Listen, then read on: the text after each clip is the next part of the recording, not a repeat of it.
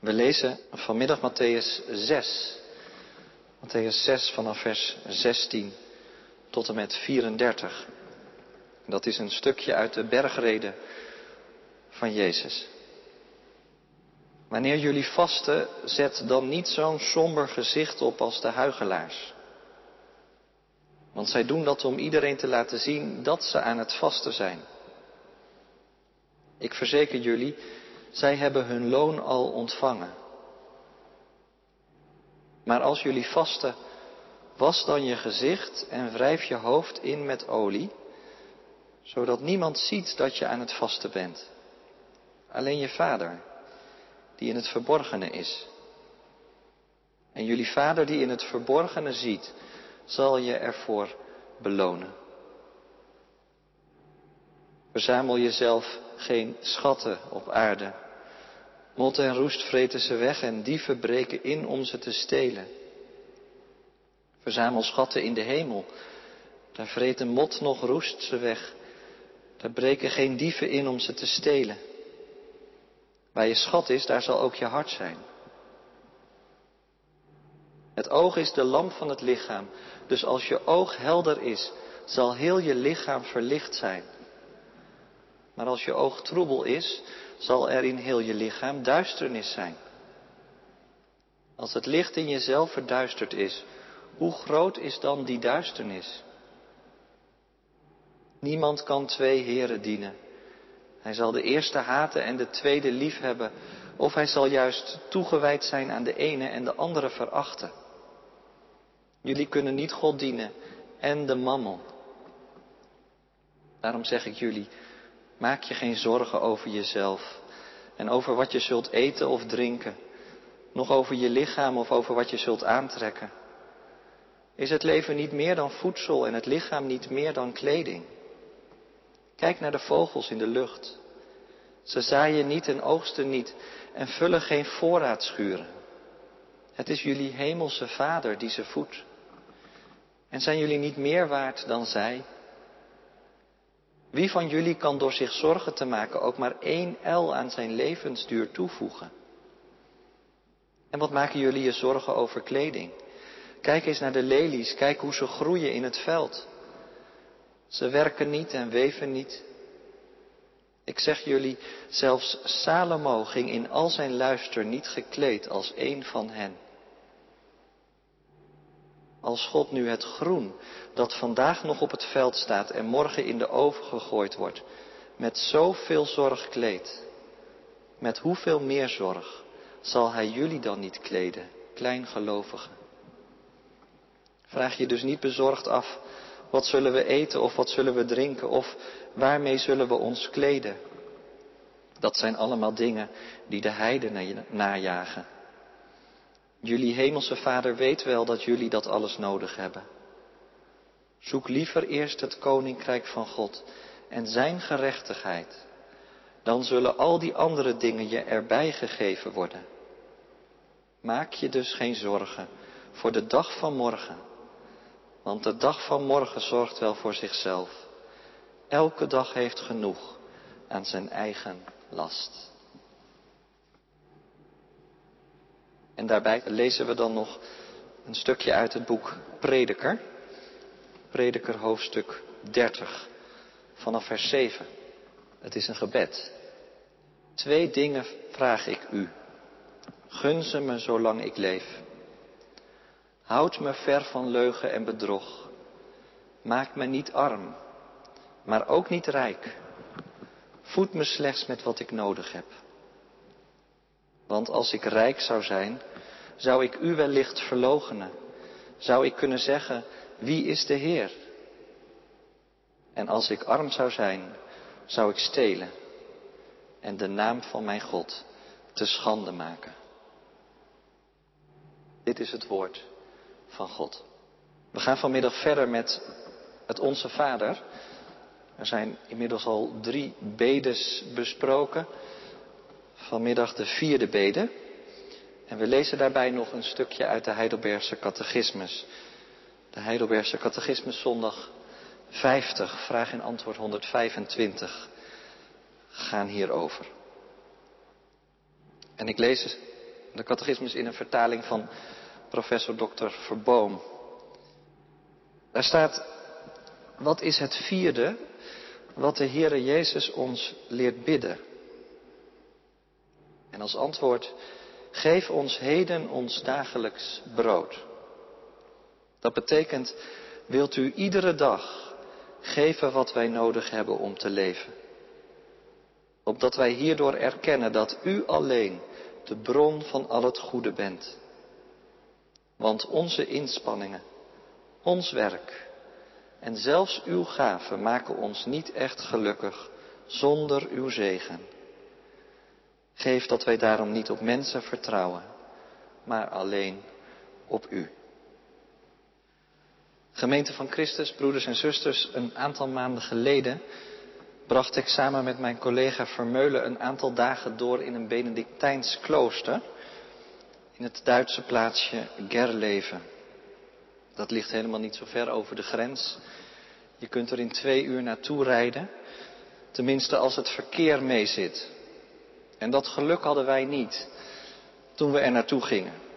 We hadden vrij veel vertraging en kwamen uiteindelijk zo'n vijf minuten voordat het diner zou beginnen bij het klooster aan. Maar we konden meteen aanschuiven om van de Benedictijnse gastvrijheid te gaan genieten. Wij zaten als gasten aan een tafel in het midden en de broeders monniken zaten tegen de muur zo in een U om ons heen. En er stond een schaal met brood klaar en er was wat kaas en boter en salade. En nadat de abt de maaltijd met een kort gebed was begonnen, begonnen we te eten. Heerlijk het brood. Maar ik nam er maar niet te veel van, want ik wilde nog wat ruimte overlaten voor het hoofdgerecht. Maar wat schetste onze verbazing? Dat hoofdgerecht kwam helemaal niet. Nadat alle schalen en borden waren weggeruimd, stond de abt alweer op, sprak opnieuw een gebed uit en de broeders verdwenen door een deur en wij zaten aan een lege tafel. Er zat niets anders op dan ook maar ons weegs te gaan. Met een voor de helft gevulde maag. Maar dat was eigenlijk helemaal geen probleem.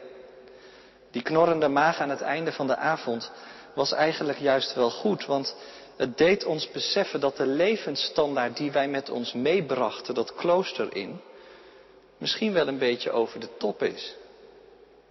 Want die paar boterhammen zo rond half zes, die waren echt wel voldoende om de rest van de avond op te teren. Het is maar wat je gewend bent en wat je norm is. Het zou zomaar kunnen dat je in deze weken aan het vasten bent geslagen. En misschien herken je er dan wel iets van. Dat je je norm gaat herijken. In ieder geval hadden wij onze eerste les in het klooster al geleerd. Hier kunnen ze genieten van genoeg. Misschien wel omdat ze geleerd hebben dat er iets is dat het dagelijks brood overstijgt. En wat je voedt op een hele andere manier. En dan zijn we midden in de bede uit het Onze Vader gekomen, die vanmiddag centraal staat. Geef ons heden ons dagelijks brood. Wat betekent dat gebed eigenlijk? In een wereld waarin bijna alles op commando verkrijgbaar is. Het staat vaak al binnen een paar uur in je deurpost als je het online bestelt. Heeft zo'n bede dan nog iets te zeggen? Of is dat echt iets uit een andere tijd? Zou het een profetische boodschap kunnen zijn, een spiegel voor ons leven? Nou, daar gaan we vanmiddag met elkaar eens naar op zoek. Die bede, geef ons heden ons dagelijks brood, is kort.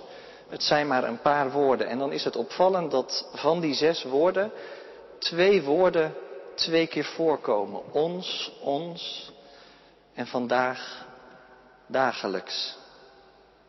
Geef ons het brood voor één dag en geef het ons vandaag. Die bede gaat dus niet om het brood van morgen. Het gaat om het brood van vandaag. En het gaat al helemaal niet over het brood van volgende week. Het gaat om het dagelijkse brood. Dat is een bijvoeglijk naamwoord dat in het Nieuwe Testament verder niet terugkomt in het Grieks. Het woordje dagelijks en erbuiten in de Grieks sprekende wereld van toen ook niet. Tenminste, lange tijd kon niemand dat woordje elders terugvinden. Totdat er ergens in de vorige eeuw een klein papyrusbriefje werd gevonden. Dat bleek een huishoudboekje te zijn, ergens uit boven Egypte. Met daarin voor iedere dag het dagelijks rantsoen. Zo stond het er. Van kikkererwten, stro en nog wat andere benodigdheden. Het dagelijks brood is dus het brood dat je één dag nodig hebt. Niets meer en niets minder. Zoals de Israëlieten in de woestijn een dagelijkse portie manna kregen. Precies genoeg voor vandaag. En het verzamelen voor morgen had geen zin, want dan zorgt God voor een nieuwe mand vol. En zo staat dat volk Israël in de woestijn in een soort spanning. Leven van wat je vandaag krijgt en je geen zorgen maken over morgen. Er was genoeg. En wat ze opstapelden voor morgen, dat bedierf gewoon. Het volk leerde in de woestijn genieten van genoeg. Dat ging trouwens helemaal niet vanzelf. Regelmatig begon het volk te mopperen. Hadden we maar vlees te eten. En weet je nog hoeveel vis we in Egypte hadden? En wat hadden we lekkere komkommers en meloenen, preien, uien en knoflook. Nummer 11 staat dat. Maar nu drogen we uit, wat is het saai. Dat manna. Helemaal niet lekker. En toch moet het volk Israël het leren. Wat God vandaag geeft is genoeg. Meer dan genoeg. Nou, dat is voor ons denk ik nog steeds een les. Maat houden, hoe doe je dat? Nou, volgens mij door heel duidelijk je grenzen te bewaken. De grenzen van het genoeg. Dan kun je denken aan de ondergrens. De ondergrens van de basisbehoeften. En je kunt denken aan een bovengrens. De bovengrens van de overdaad, waar je niet doorheen mag schieten. Als je dat eens toepast op je eigen leven, wat is jouw ondergrens en, en wat is jouw bovengrens? Heb jij snel genoeg? Of zoek je altijd meer dan genoeg? Dan ben je denk ik wel een kind van je tijd, want grenzeloos genieten is toch wel een kenmerk van onze kapitalistische samenleving. We zijn meesters geworden in het verzamelen van spullen. Zo erg dat er zelfs boekjes komen om je te helpen ontspullen. Onze huizen puilen uit en de opslagboxen van Sureguard aan de rand van de stad ook. Hoe komt dat eigenlijk? Denken we dat spullen gelukkig maken? Of komt het omdat we onze ondergrens niet scherp hebben? Omdat we niet, niet, goed meer weten hoe we die grens moeten trekken en we de ondergrens bijvoorbeeld laten bepalen door wat de buurman heeft? Of door de kick die het geeft om steeds weer iets nieuws te kopen en dat ook in te wijden?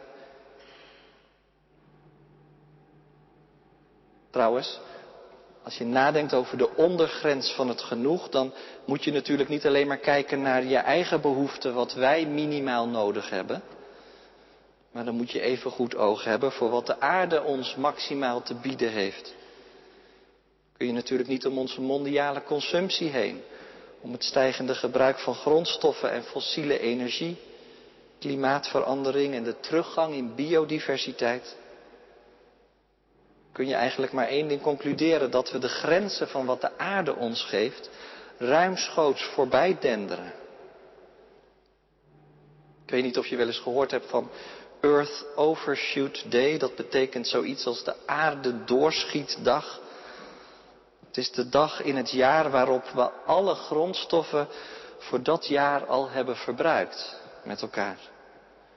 En daarna dus op de reserves gaan interen. In 2017 lag die dag op, 8, op 2 augustus. In 2018 op 1 augustus. Vorig jaar op 29 juli. Die dag die komt steeds ietsjes dichterbij. En dat is dan nog de gemiddelde datum voor de hele wereld. Want in Nederland ligt die dag al op 4 mei. Meer dan de helft van het jaar teren we in op de reserves die de wereld ons geeft. Nou, grenzen. De grenzen van het genoeg bewaken. Grenzen die voorkomen dat we onszelf overvragen, die voorkomen dat we de aarde overvragen, die voorkomen dat we de mensen om ons heen overvragen. En zo bezien is die bede dus in de eerste plaats een bede om zelfbeheersing. Ik las een sprekend voorbeeld van een Benedictijnse monnik die, die zei, stel je eens een glas water voor. Dat glas staat symbool voor wat je nodig hebt. Dat glas is genoeg.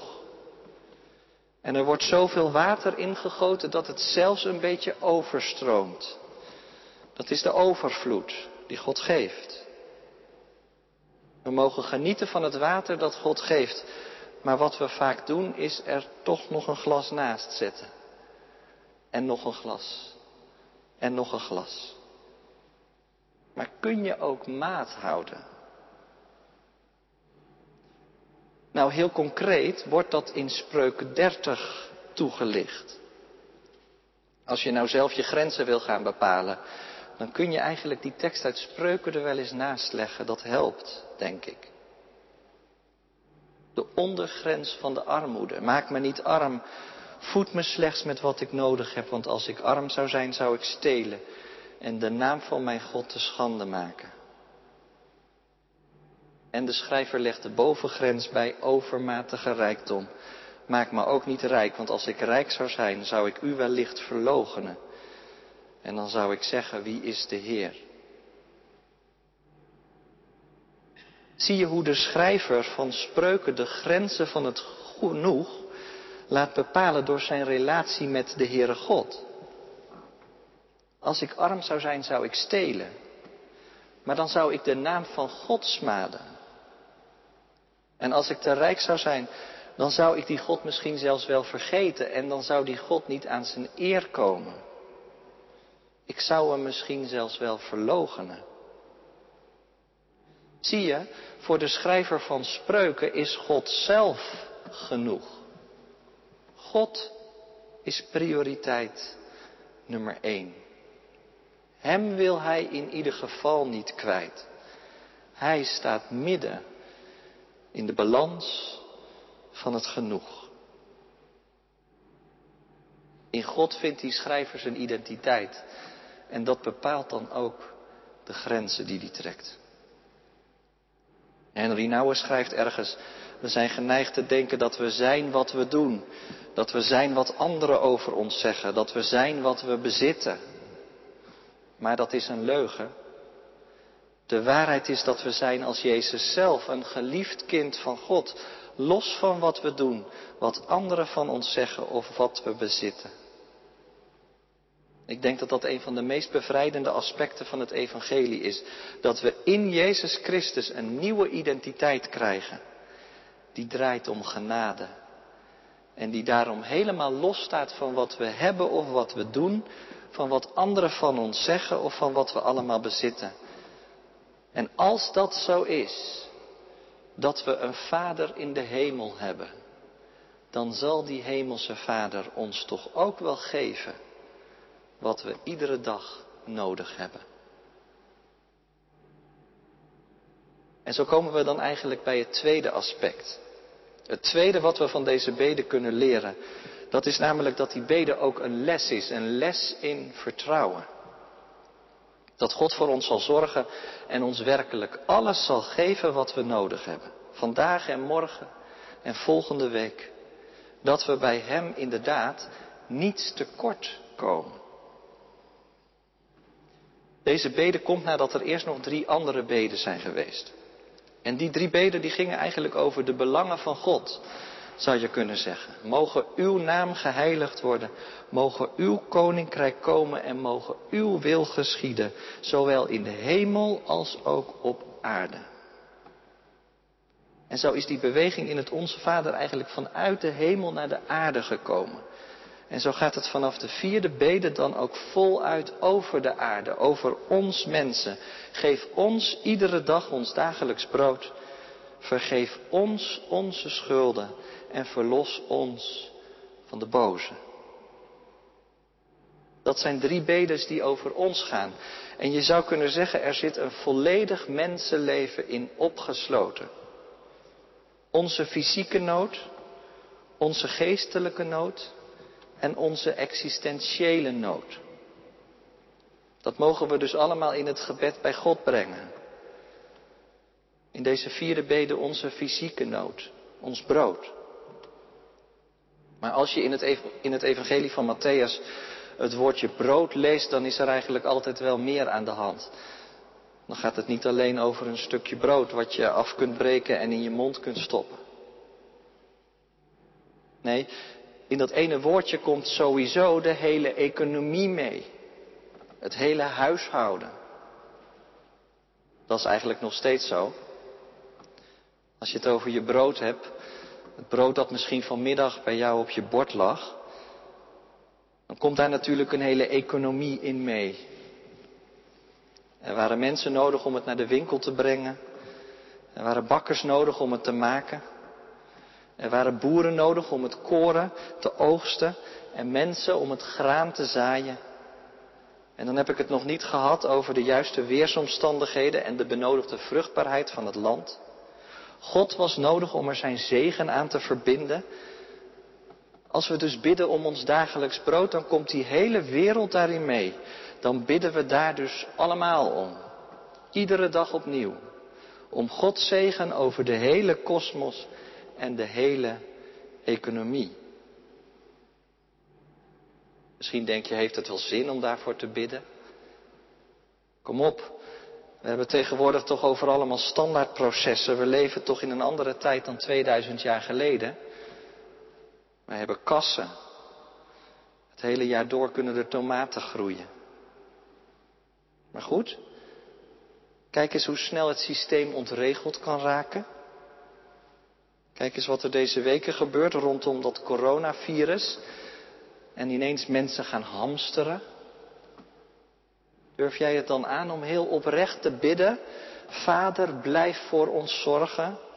Geef ons vandaag ons dagelijks brood. Want als u het groen dat vandaag nog op het veld staat en morgen in de oven wordt gegooid al met zoveel zorg kleedt, dan zult u ons toch nog met veel meer zorg kleden, ook morgen. In het boek Spreuken zagen we hoe de bovengrens van het genoeg bepaald werd door de bovenmaat. Maak me niet rijk. Maar hier zien we nog iets anders. Die bovengrens kan ook bepaald worden door het vertrouwen. Het geloof dat er een hemelse Vader is die voor je zorgt en die ons morgen alles zal geven wat we nodig hebben. Zodat je jezelf over morgen geen zorgen hoeft te maken. Vertrouwen dat God er is en dat God zorgt. Is dat naïef? Nou, ik kan me voorstellen dat je dat denkt. Maar toch ken ik mensen die zo in het leven staan. Op allerlei vlakken. Mensen die aan de vooravond van een ingrijpende eh, operatie op God vertrouwen dat Hij met hen meegaat. Mensen die datzelfde gevoel hebben in de nasleep van een ingrijpende reorganisatie. Of mensen met wie het ogenschijnlijk prima gaat, maar die toch zeggen, maar de grond van mijn leven is het vertrouwen dat er een vader is die voor me zorgt. Je kunt er zomaar jaloers op worden als je mensen zo hoort spreken. Dat is niet naïef, Trouwens, het gebeurt ook wel eens dat mensen jaloers worden.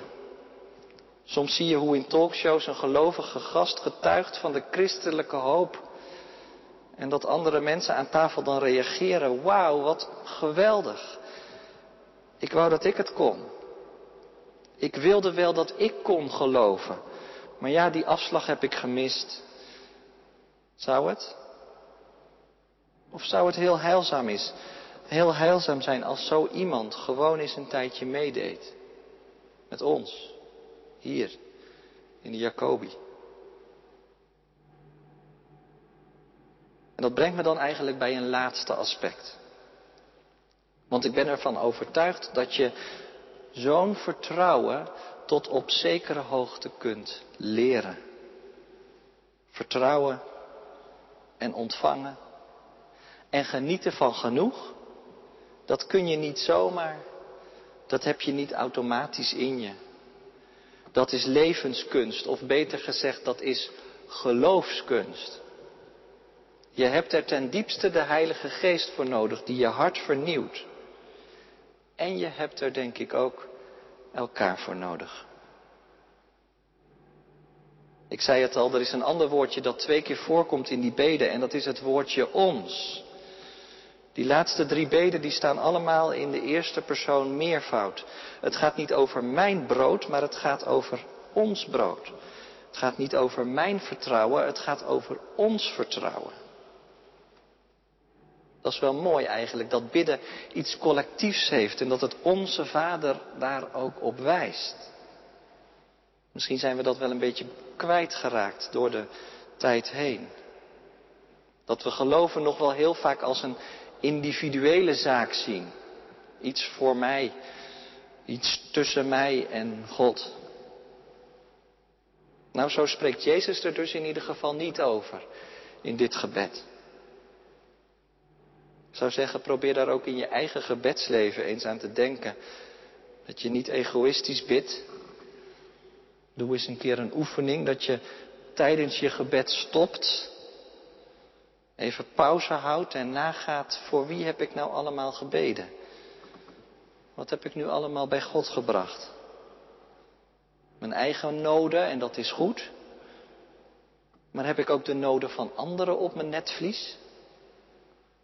Vraag ik God om ook voor anderen te zorgen, zoals Hij voor mij wil zorgen? Vraag ik God om ook anderen te vergeven, zoals Hij mij wil vergeven? Vraag ik God om anderen uit de greep van het kwaad te bevrijden, zoals Hij ook mij heeft verlost? Dat is wel waar die bede naartoe werkt. Dat je als gelovige deel uitmaakt van een grotere kring, van het lichaam van Christus. En dan is het vanmiddag wel heel mooi dat juist dat woordje brood ook daarnaar verwijzen kan. Ik zei het al, in Matthäus gaat het bij brood altijd om meer dan alleen maar brood.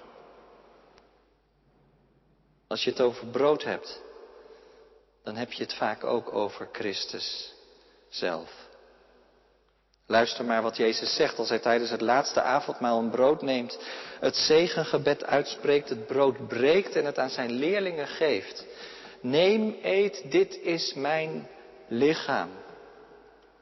Brood als lichaam van Christus. En die gedachte tref je ook elders in het Nieuwe Testament wel aan, zoals in het Johannesevangelie, als Jezus een preek houdt.